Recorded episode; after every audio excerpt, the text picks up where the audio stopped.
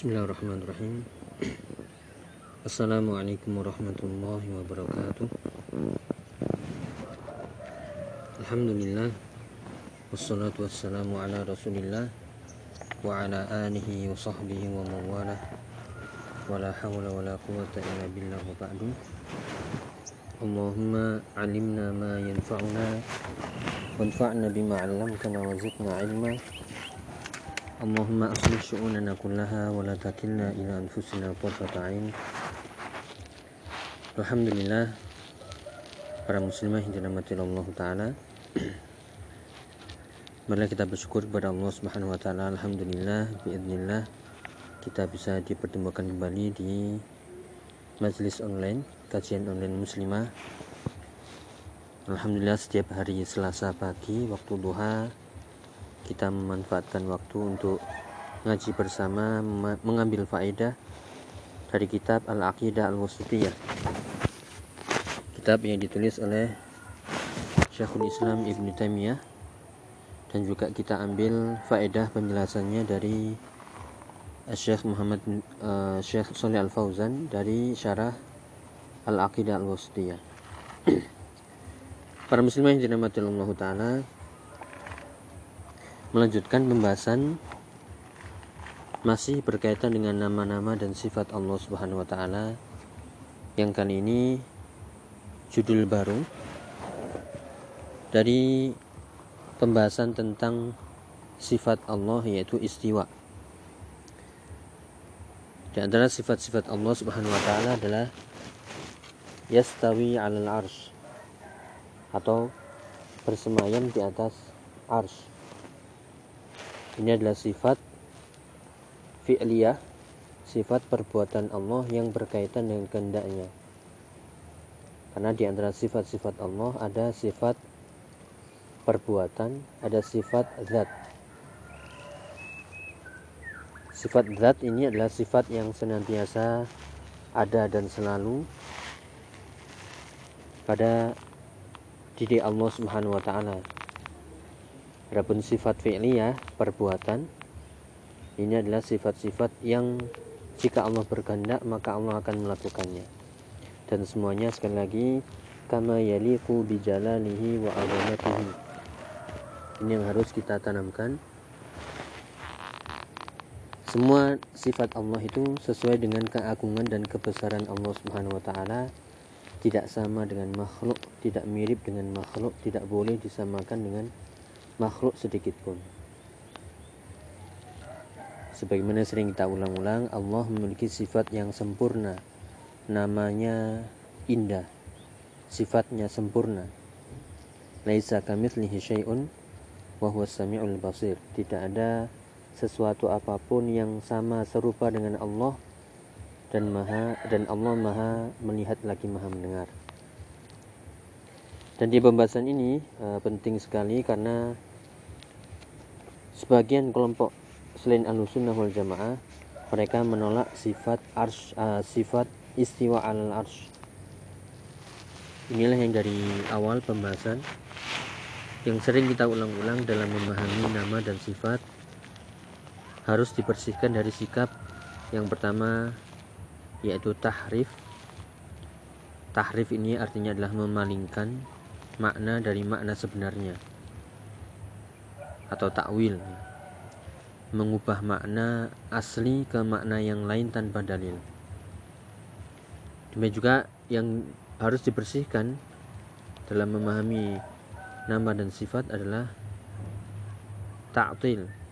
Ta'til ini adalah menolak nama membuang nama-nama dan sifat.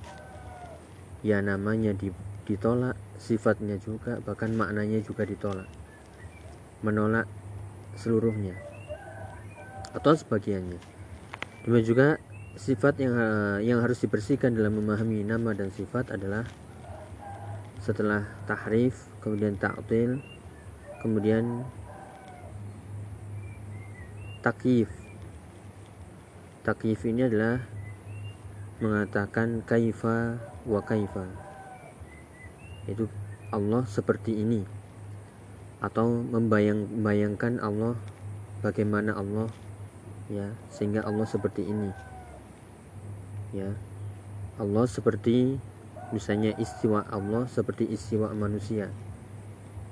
Itu mempertanyakan bagaimana bagaimananya.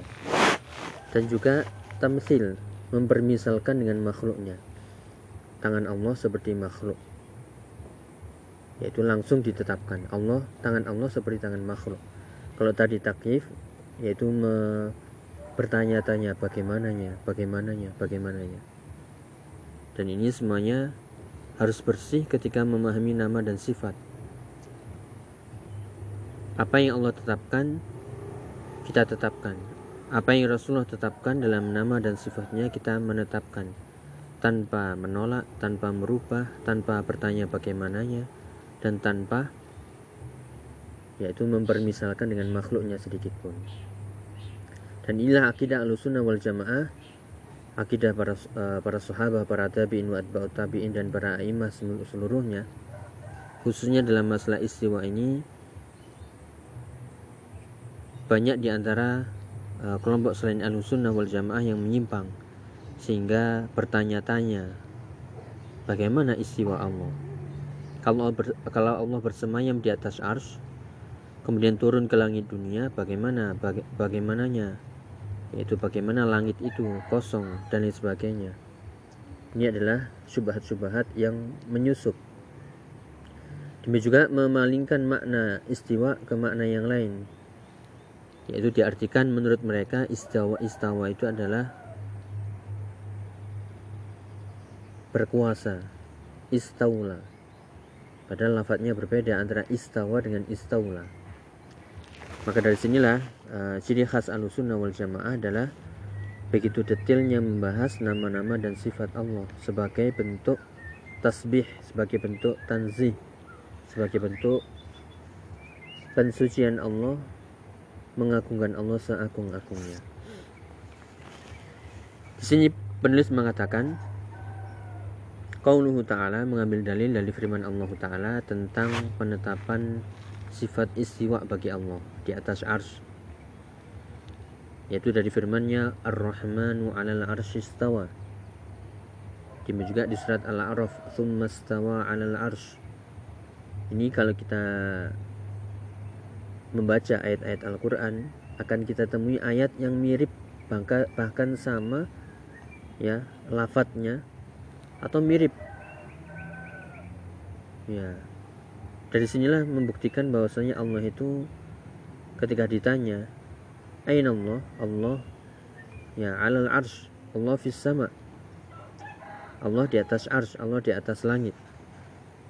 Bukan Allah di mana-mana. Atau Allah bersama kita. Zatnya bukan. Sebagaimana keyakinan Akidah Sufiyah yang ekstrim mengatakan Allah menyatu dengan makhluk wahdatul wujud. Ya Allah ittahada. Allah menyatu dengan makhluk. Atau haluliyah menyatu dengan makhluk atau menempati makhluk. Ya ini akidah yang batil. Dari akidah sufiyah orang-orang sufi yang ekstrim.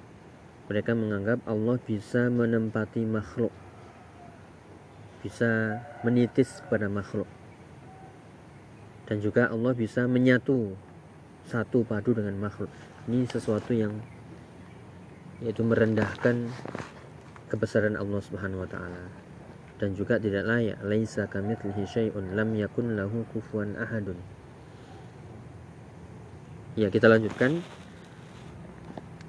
Ayat-ayat yang akan disebutkan ini semuanya menunjukkan Allah bersemayam di atas ars. Apa itu istawa? Ya, istawa itu dalam bahasa Arab maknanya macam-macam. Ada yang bermakna lurus. Ya, istawa yastawi. Lurus, sejajar atau bermakna ulu ala wartafa'a dan ini yang tepat untuk Allah Subhanahu wa taala. Allah itu ulu. Allah itu irtafa'a meninggi ke atas di atas ars. Ya, inilah yang dahulu ketika Imam Malik rahimahullahu taala ditanya di majelis beliau pertanyaan yang nggak pernah muncul di zaman sahabat dan di zaman para tabi'in. Dan ketika itu pertanyaan ini datang kepada beliau ketika menjelaskan tentang summastawa alal arsh kemudian ada yang bertanya ya Imam Malik ya bagaimana istiwa Allah? Atau ya bagaimana istiwa Allah mendengar pertanyaannya seperti ini beliau menundukkan ya menundukkan uh, pandangannya sehingga sampai menahan marah istilahnya kemudian menjawab al istiwa ma'lum wal kaifu majhul wal imanu bihi wajib was su'alu anhu bid'ah Istiwa itu maknanya jelas, maknanya adalah tinggi ke atas, meninggi terus di atas. Kama yaliku bijalalihi. Itu maknanya secara bahasa. Dan ini bisa dipahami makna istawa itu adalah meninggi ke atas. Kemudian wal kaifu majhul adapun bagaimana ya bagaimana Allah beristiwa inilah yang takhif namanya. Pertanyaannya bagaimana bagaimana. Yang seperti ini majhul, tidak mungkin diketahui oleh makhluk. Tidak mungkin makhluk yang terbatas akalnya, pandangannya, pemikirannya, pemahamannya, tasawurnya itu bisa membayangkan kebesaran Allah Subhanahu wa taala. Membayangkan besarnya makhluk-makhluk Allah saja tidak mampu, apalagi membayangkan bagaimananya Allah Subhanahu wa taala. Ya dan uh, iman tentang hal ini tentang Allah bersemayam di atas ars sesuai dengan keagungannya wajib dan bertanya tentangnya bagaimana bagaimana ini adalah pertanyaan yang bid'ah kenapa hal ini tidak pernah dicontohkan oleh para sahabat? Ketika Nabi eh, membaca ayat misalnya sumastawa alal arsh atau menjelaskan para sahabat paham dengan naluri bahasa mereka dengan fitrah mereka. Bahwasanya makna istawa itu adalah tinggi ke atas ala wartafa'a kemudian bagaimananya ini yang dibuang ini bagaimananya lah ini yang diserahkan kepada Allah Subhanahu wa taala. Allahu a'lam. Adapun maknanya jelas. Iman kepadanya wajib. Bertanya tentang bagaimana bagaimananya ini adalah bid'ah. Ya jadi ini yang membedakan alusunah dengan yang lainnya. Ahlussunnah memaknai sebagaimana makna itu yang ada tanpa dipaling-palingkan, tanpa diubah-ubah, dan juga tanpa ditolak. Berbeda dengan kelompok yang lain, ada yang menolak mentah-mentah sifat istawa, ada yang memalingkan maknanya istawa yang seharusnya bersemayam di atas meninggi, diartikan dengan berkuasa. Ya, diartikan dengan istaula. dan ada juga mungkin yang menyerupakan bersemayam Allah seperti bersemayam bersemayam bersemayamnya makhluk. Dan ini tidak patut tidak layak. Karena dalam al-ikhlas di ayat yang terakhir Allah taala mengatakan walam yakun lahu kufuwan ahad. Tidak ada seorang pun satu pun makhluk yang sama serupa mirip saja tidak ada dengan Allah Subhanahu wa taala. Tidak ada yang sekufu dengan Allah Subhanahu wa taala. Jadi ayat-ayat inilah yang dikatakan Tumastawa alal arsh. Nanti kita akan temui banyak sekali ayat-ayat yang sama. Seperti yang disebutkan oleh penulis Ada enam tempat bahkan. Yaitu mulai dari surat Yunus Nanti akan kita bahas satu persatu. Tumastawa alal arsh. Tumastawa alal arsh. Itu banyak sekali di ayat.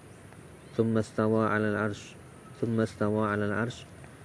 Ini menunjukkan semua ayat-ayat ini yaitu menunjukkan bahwasanya Allah di antara sifatnya adalah istawa istiwa.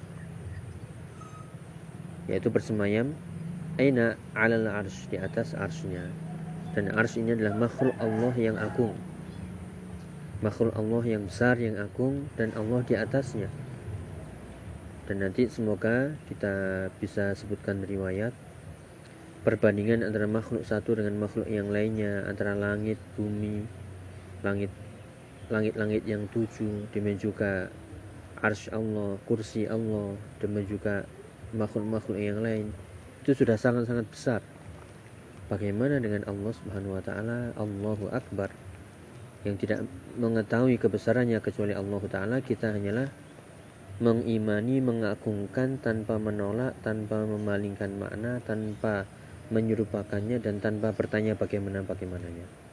Untuk mengetahui Allah, lihatlah makhluk-makhluknya, lihatlah ciptaan-ciptaannya, bukan melihat zat Allah Subhanahu wa taala karena tidak ada yang mampu membayangkan zat Allah Subhanahu wa taala. Syekh uh, Shalih Al-Fauzan mengatakan kulluha qad warada fiha istiwa bil lafzin wahid. Semua ayat-ayat yang nanti akan disebutkan di bab ini lafadznya satu yaitu istawa 'alal ars bersemayam di atas ars. Ini adalah nassun fi ma'nahul haqiqi la yahtamilu ta'wil bi ma'nan akhar. Ini adalah nas teks yang maknanya secara hakikat tidak bisa ditakwil-takwil lagi. Istawa 'alal ars istawa al ars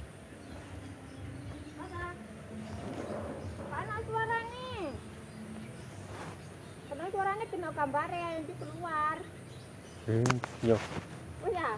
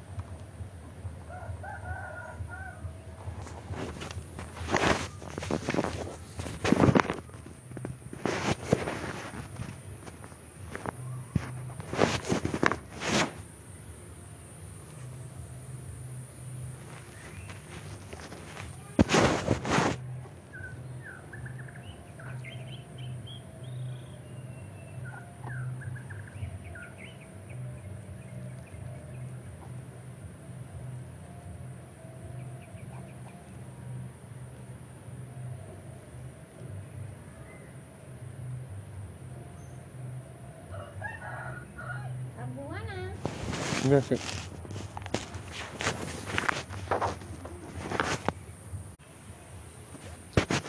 Ya kita melanjutkan. Uh, mohon maaf karena ada gangguan. Tapi alhamdulillah wassalatu wassalamu ala rasulillah wa ba'du. Kembali ke ayat tadi uh, istawa alal arsh yang dikatakan oleh Syekh Saleh Al Fauzan. Ini adalah makna secara hakikat tidak bisa ditakwil-takwil lagi, tidak bisa diubah-ubah lagi maknanya ke makna yang lain. Karena istiwa ini adalah sifat fi'liyah sabitah. Sifat fi'liyah, sifat perbuatan Allah artinya adalah sifat yang sesuai dengan kehendak Allah Subhanahu wa taala. Jika Allah berkehendak, maka Allah akan bersemayam di atas arsnya. Ya, berbeda dengan sifat zatiyah yang selalu melekat dan juga sifat yang ditetapkan untuk Allah Subhanahu wa taala sekali lagi kama yaliku bijalalihi sesuai dengan keagungannya. Dan jangan sampai kita beranggapan istiwa bersemayam ya kemudian kita anggap istiwa Allah seperti istiwa makhluk. Bersemayamnya Allah seperti bersemayam makhluk sehingga ketika Allah turun ke langit dunia maka ars Allah kosong. Ini adalah syubhat. Ini namanya mensifati Allah dengan sifat makhluk. Dan juga mensifati turunnya Allah seperti turunnya makhluk. Seperti kalau kita turun dari tangga atau turun dari suatu tempat. Ini namanya ya mensifati Allah seperti sifat makhluk dan ini tidak diperbolehkan dan itu bukan akidah yang benar. Karena sekali lagi selalu kita ingat-ingat ayat laisa kamitslihi syai'un. Bahwa Sami'ul Basir tidak ada sesuatu apa pun yang sama dengan Allah. Ya, agar kita lebih mudah. Satu sifat itu bisa kita jadikan kaidah untuk sifat-sifat yang lain. Satu sifat, misalnya saja wajah. Allah memiliki wajah. Wajahu Rabbihil A'la wajah Allah yang maha tinggi Apakah wajah Allah sama dengan makhluk? Sifat-sifatnya, bentuknya tentu tidak. Terus bagaimana cara me memahaminya agar kita ter tidak terkena syubhat? Jawabannya adalah ketika kita melihat wajah makhluk antara satu dengan yang lainnya seperti hewan-hewan itu mereka semuanya punya wajah tapi wajah mereka tidak akan pernah sama dengan yang lainnya. Antara makhluk satu dengan makhluk yang lainnya sudah berbeda bahkan jauh. Demikian juga tangan. Tangan makhluk satu dengan tangan makhluk yang lainnya berbeda. Itu saja antara makhluk sudah berbeda-beda apalagi dengan Allah yang maha suci. Inilah cara yang tepat untuk menghilangkan syubhat-syubhat agar kita tidak menyamakan Allah dengan makhluk-makhluknya. Kembali ke sifat istiwa, istawa, istawa ini adalah sifat perbuatan Allah sesuai dengan kehendaknya.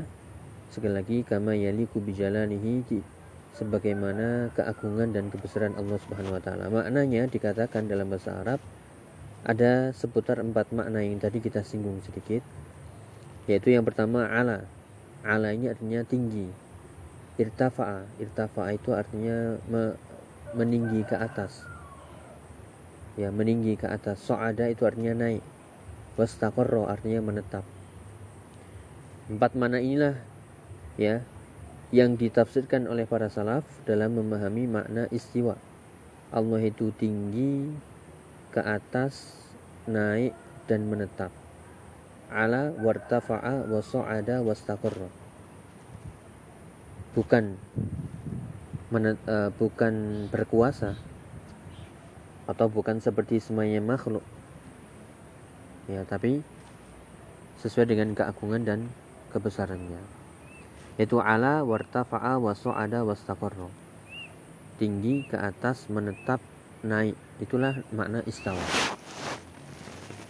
Ya dimulai dengan firman Allah taala inna rabbukum inna rabbukumullah alladzi khalaqas samawati wal ard fi sittati ayyamin thumma istawa 'alal 'arsy Ya, kita mulai dari uh, firman Allah taala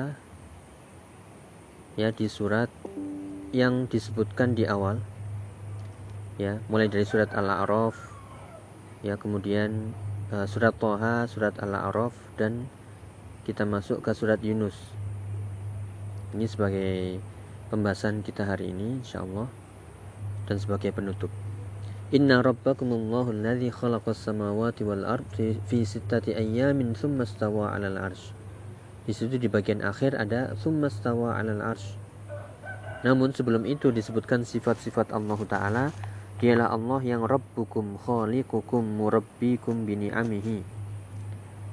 Alladhi yajibu 'alaikum an ta'buduhu wahdah. Dialah Allah Rabb kalian sesembahan kalian yang menciptakan kalian, yang mengurusi kalian, yang memberikan nikmat-nikmat kepada kalian, yang wajib bagi kalian untuk beribadah kepadanya saja. Dialah Allah yang menciptakan alam ini seluruhnya, langit, bumi, dan apa-apa yang di antara keduanya, dialah Allah yang menciptakannya. As-samawati wal ard wa ma bainahuma. Dalam berapa hari? Fi sittati ayyam, dalam enam hari saja dan jika Allah berkehendak maka akan mudah bagi Allah untuk menciptakan kurang dari ya hari itu akan tapi di situlah hikmah Allah yang dikatakan fi sitati ayam yaitu al-ahad, al-itsnain wal thulatha wal arbi'a wal khamis wal jum'ah. Ya, yaitu hari Senin sampai hari Jumat. Wa fi yaumil wa fi al-khalqu kulluhu wa fihi Adam. Dan di hari Jumat inilah Allah menciptakan Nabi Adam alaihissalam. Yaitu Nabi Adam diciptakan di hari Jumat, kemudian wafatnya pun hari Jumat dan hari kiamat terjadi pada hari Jumat. Kemudian di akhir ayat summastawa 'alal arsh. Kemudian Allah sekali lagi istawa artinya tinggi, meninggi ke atas, naik dan menetap sesuai dengan keagungannya. Dan inilah dalil dari ayat tentang penetapan Allah bersemayam di atas ars. Ini baru tiga ayat yang kita sebutkan.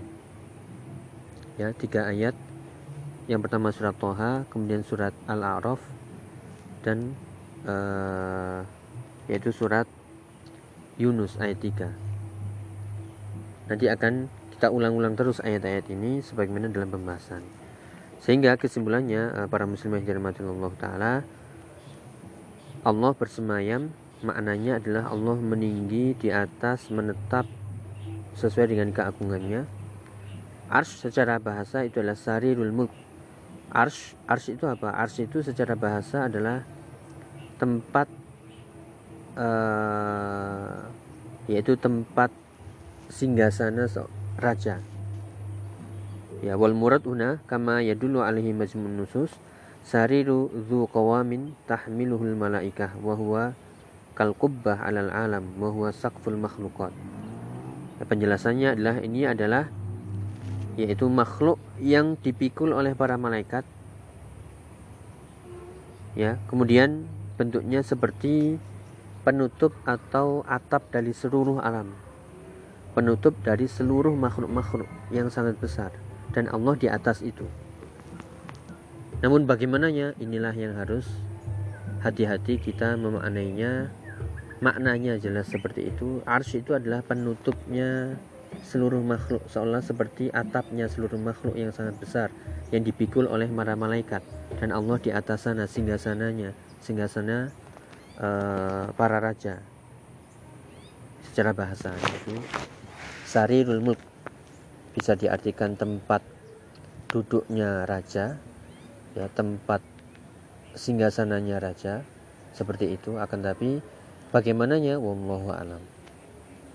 Besarnya yaitu tadi kita bayangkan makhluk-makhluk langit bumi yang berlapis-lapis kemudian matahari dan sebagainya ya alam-alam itu semuanya itu semuanya masih nggak ada tandingannya dengan ars Allah yang maha besar arsun alim ya makanya di sini semoga nanti di pertemuan berikutnya kita bawakan perbandingan antara langit 1, 2, 3 sampai 7 dibandingkan dengan kursi Allah kursi Allah dengan arsnya Allah dan seterusnya. Wallahu alam bisawab.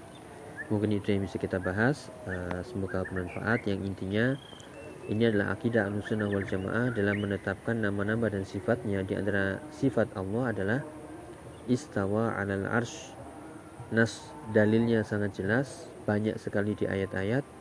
Ini adalah makna secara hakikat. Tidak bisa ditakwil diubah-ubah maknanya. Bahwasanya makna istawa adalah ala tinggi irtafa'a e, ke atas so'ada naik dan istaqorro menetap.